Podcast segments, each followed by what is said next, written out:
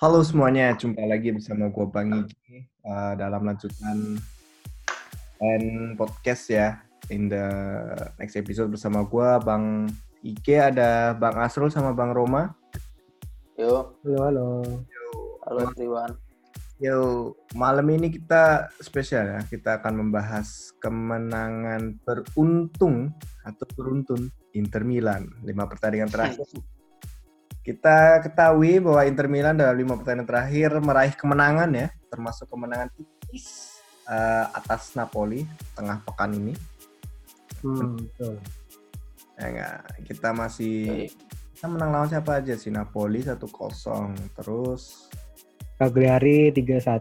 yang comeback itu ya comeback lawan Cagliari Iya, Torino juga 3-1. comeback.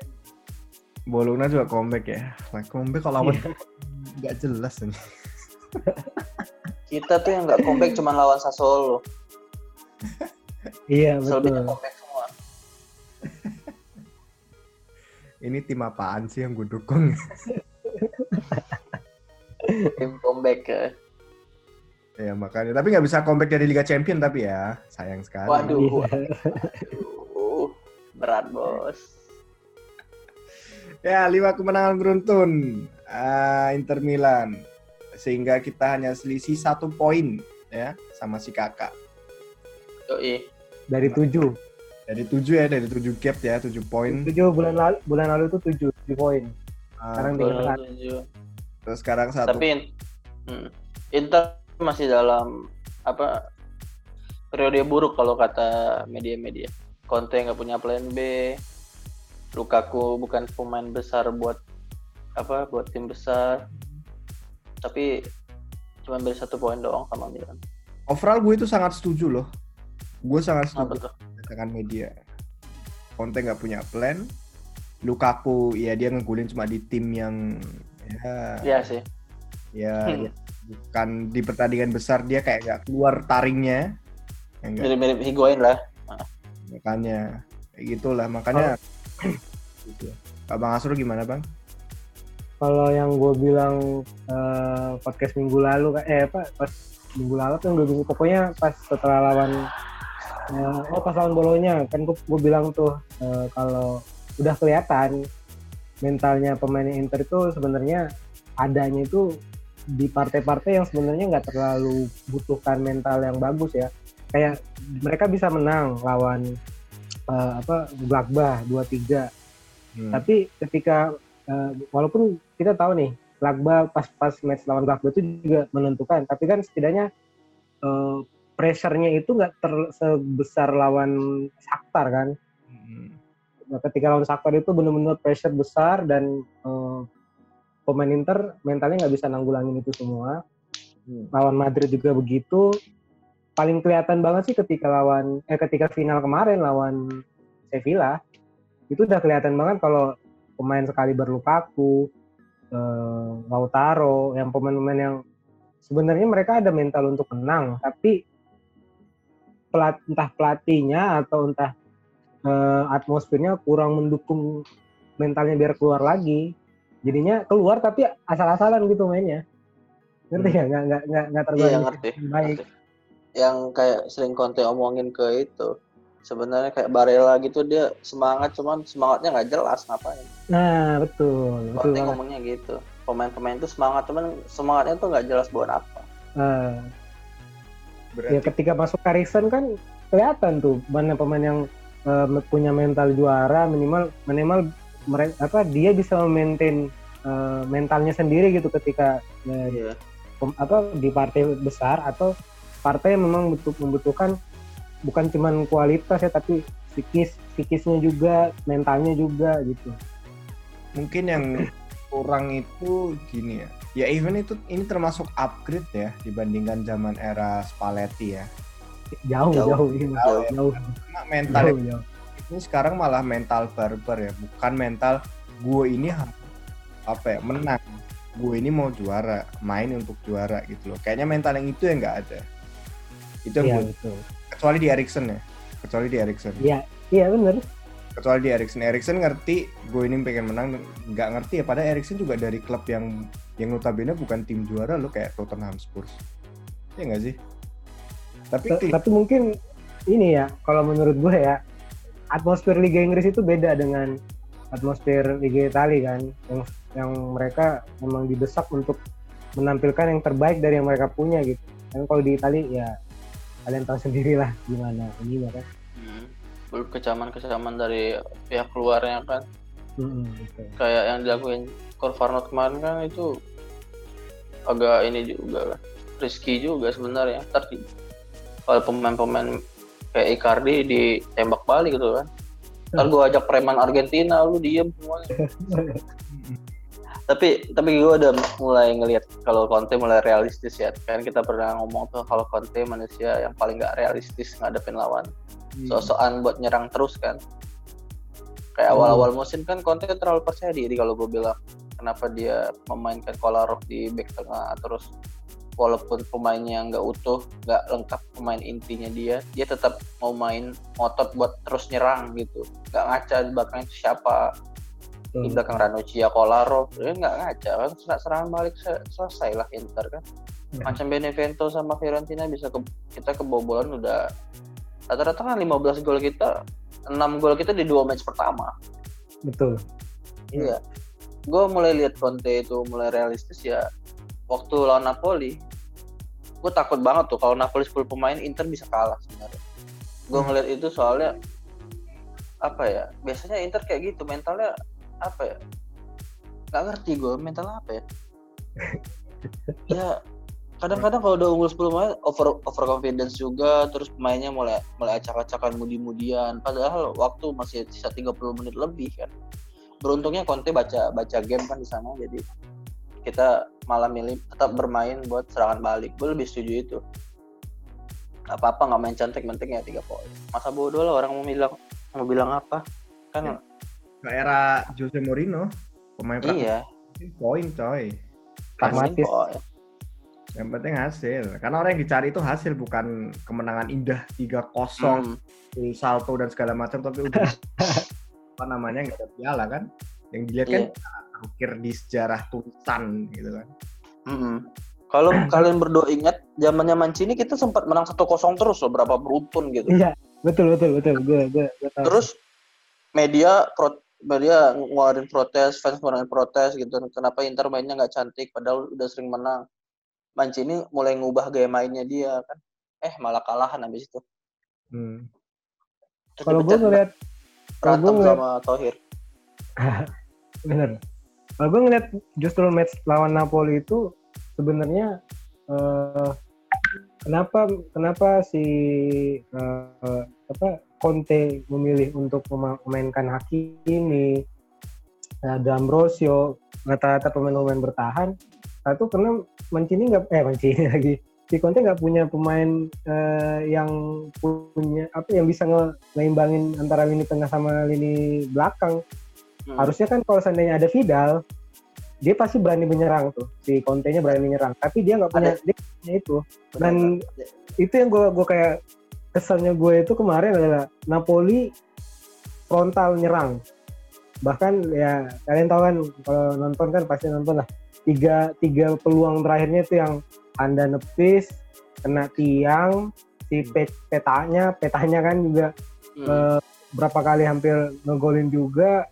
Itu menurut gua eh, apa ya itu satu karena nggak ada pemain yang bisa nyimbangin antara lini tengah dan lini belakang.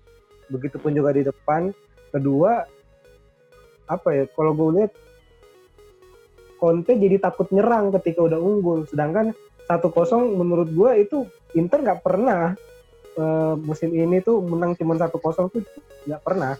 Ujung-ujungnya malah seri justru kan. Makanya gue Iya. bilang kenapa Inter malah apa kenapa Inter menang beruntung ya? Eh kenapa Inter eh, kemenangannya beruntung ya? Karena itu sebenarnya. Jarang banget Inter bisa menang cuma satu kosong. Ujung-ujungnya pasti seri untung aja nggak seri gitu kemarin Iya sih. Gue udah udah kepikiran seri juga sih itu. Waktu malah gue ya, malah yakin Inter bisa menang kalau 11 lawan 11. iya Waktu betul dia udah 10 lawan 11 wah seri ini kayak soalnya biasanya mental mental ini kan mental-mental suka bertahan berubah. iya iya suka berubah Hmm. benar-benar Tapi kemenangan beruntun ini kita udah dapat 5 kemenangan beruntun. Ya enggak. Apakah bakal sampai berlanjut nih terutama ketika nanti eh, hari ini kita bertanding lawan Spezia ya. Yang Hmm. Spezia di kandang lagi. kandang. Nah, makanya apakah kita akan teruskan tren tersebut? Kalau menurut abang-abang di sini gimana? eh gue percaya ada omongannya siapa ya gue lupa gitu.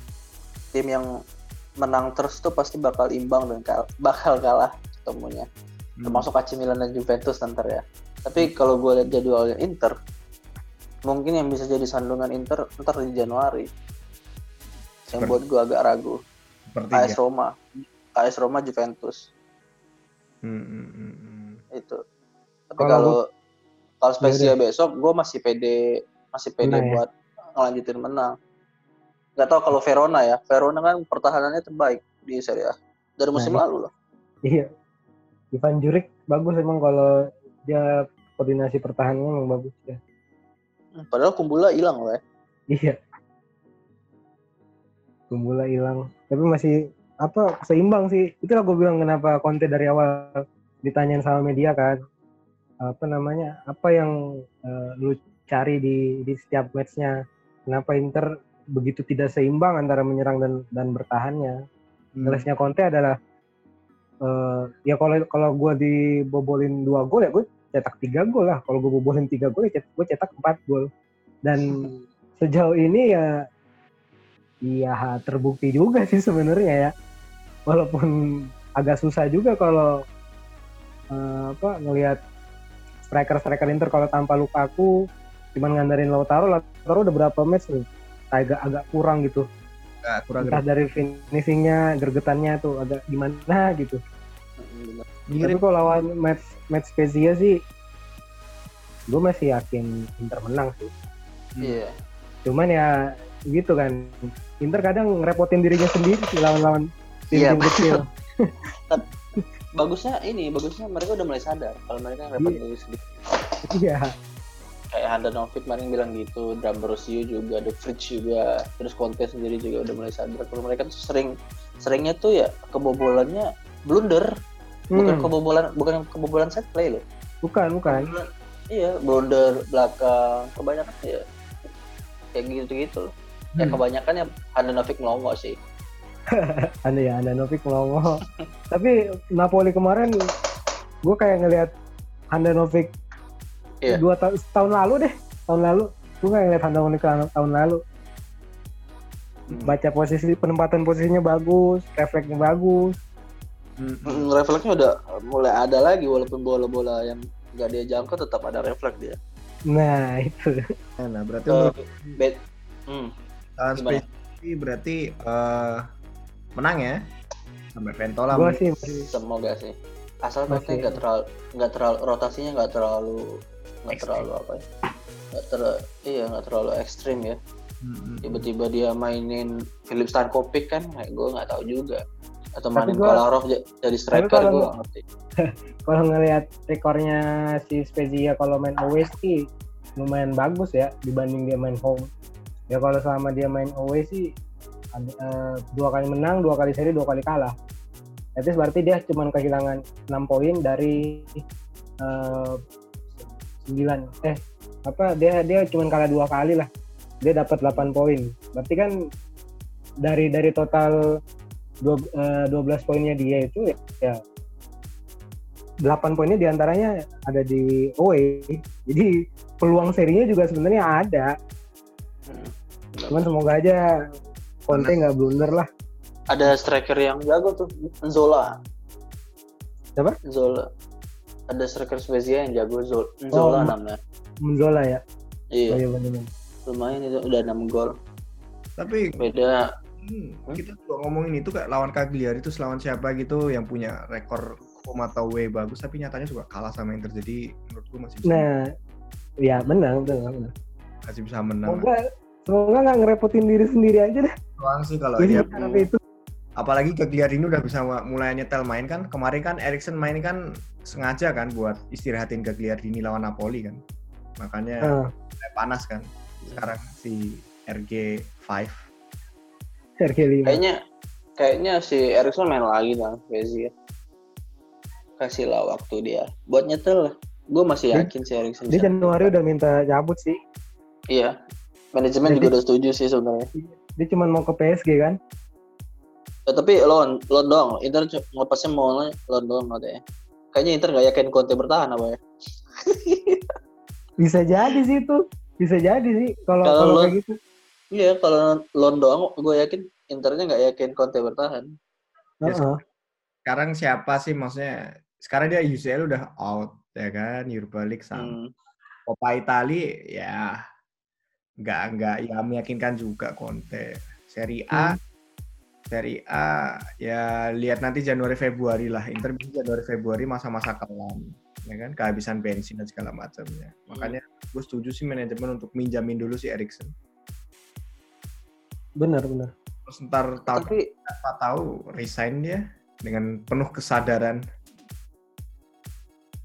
iya sih Kayak gue lihat juga manajemennya Conte, eh, manajemennya Conte. Manajemen itu juga udah gerah sebenarnya dengan permainan monoton. Coba si Conte nggak punya plan B, main selalu pakai tiga back, sayap dia optimalin. Siapa yang kalau kalau kita perhatiin ya crossing crossingnya itu justru kenapa jelek-jelek banget ya musim ini? Gue juga bingung. Perisik ke mana-mana crossingnya. Hakimi justru Hmm. lebih bagus kalau dia soloran daripada dia harus uh, crossing bola-bola atas. Hmm. Nggak ngerti juga gue. gue lebih heran lagi gaya mainnya Hakimi totali berubah loh Banget. Macam kayak gue nge gue ngeliat aw- awal musim awal pramusim lah Hakimi masuk tuh dia seringnya umpan balik ke belakang ke tengah dia nggak nggak langsung luka kuat di tengah langsung dioper lambung gitu enggak dia lebih sering lihat Barella di tengah datang isu sama Barella atau Sensi ya tapi gimana? sekarang udah nggak pernah lagi ada itu Gimana? tuh langsung langsung Erikson kemarin main agak ke depan aja dimarahin, berarti gue bisa Nah, Hakimi pasti nah bener, pasti. bener, bener, bener. Oh, Kalau bener, bener, bener, bener banget, eh, Bang Ige. Jadi kayak apa ya? Conte itu kalau kalau lu pada perhatiin kan dia sering teriak-teriak tuh di pinggir lapangan kan. Karena textbooks banget orangnya si Conte itu textbook banget. Jadi dia improvisasi di lapangannya kurang. Itulah kenapa dia Iya. punya nggak punya plan B untuk eh, eh, formasinya sendiri ketika udah mentok. Jadi orangnya textbook banget. Jadi ketika seorang Hakimi, lu lihat di Dortmund itu dia lebih banyak megang bola ya.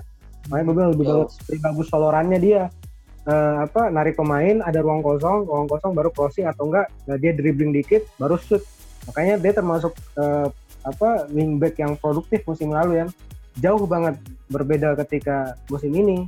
Ya karena itu, benar kata Bang Ijo tadi. Pegang bola dikit, perubahan posisi dikit, Conte marah. Conte parah. minta dia balik lagi. Itu makanya susah.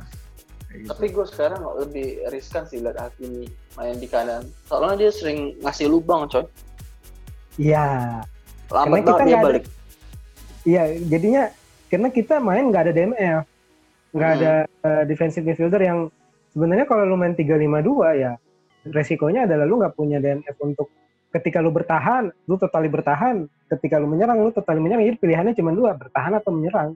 Itulah Hmm, jeleknya kena, 3-5-2. kena serangan balik back tengah pada Kelar. lambat semua iya Kelar, kelar udah. apalagi Kolarov napas aja dari tengah lapangan dia ah dia pemain baru di Inter macam Hakimi, Erikson tuh bingung tau. Lu punya Iya sih. pasti. sendiri, lu mau keluarin disalahin pelatih, ya kan? Tapi lu ikutin pola pelatih, lu masih bingung, gitu loh. Bener. Gue lihat tuh masih bingung tau maunya kayak gimana. Si Conte itu maunya kayak gimana tuh masih bingung. Makanya kalau kalau lu lihat kalau lu ingat-ingat nih, saya kalau kamera lagi pas banget nyolot Hakimi ketika dia udah eh, apa ngelewatin pemain tapi crossingnya kah atau passingnya kah di, di intercept atau crossingnya ke mana-mana pasti kan mukanya kayak bingung ke Conte. Karena Conte pasti habis ngomelin dia tuh kayak dia mungkin dia bilang lah gue udah benar begini gitu kenapa harus ngomelin? Gitu. Kan gitu lah dia maksud gue Erikson itu mukanya juga kayak gitu semua tau. Ketika ya betul. gue tuh salah apa, orang bingung ya. Apa? Gitu loh. benar-benar. Mungkin kira gue doang yang loh mungkin ternyata kalian juga Tapi mungkin Iya. faktor komunikasi sih ya.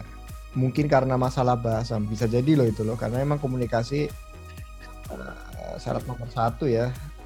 penting sih Tapi tergantung pelatih sih sebenarnya. Harusnya kayak Ya. gitu pelatih sih kalau gua. Conte terlalu textbook banget eh, orangnya. Jadi Mungkin ketika pembelajaran taktik tuh sangat bahasa textbook sekali dengan Iya. bahasa kaliannya mungkin ya kayak gitulah. Jadi dia nggak ada improvisasi. Jadi dia nggak nggak nggak ngeberiin nggak ngasih ruang ke, ke pemain-pemainnya untuk lebih berkembang dalam dalam segi eh, apa improvisasi di lapangan. Jadi makanya ya begitu-begitu aja passing mentok di belakang, mentok di belakang, membuka ruang. Jadi udah lawannya udah tahu mainnya mainnya Inter musim ini tuh kayak gimana. Lawannya udah hafal. Dan mudah-mudahan lah eh, akhir musim ya diberikan terbaik lah. Walaupun nggak juara berarti ya itu terbaik. gue sih kalau seandainya Conte mengundurkan diri sih orang pertama yang gue harapin ngelatih Inter Pochettino sih sebenarnya. Biar Erikson ya? Eriksennya berkembang punya ini Hakimi. Gue yakin Hakimi juga ini dan pasti dia ngorbitin satu pemain muda lagi satu atau dua pemain muda gitu dari dari tim Primaveranya Inter. Itu yang beberapa tahun terakhir ini Inter nggak ada.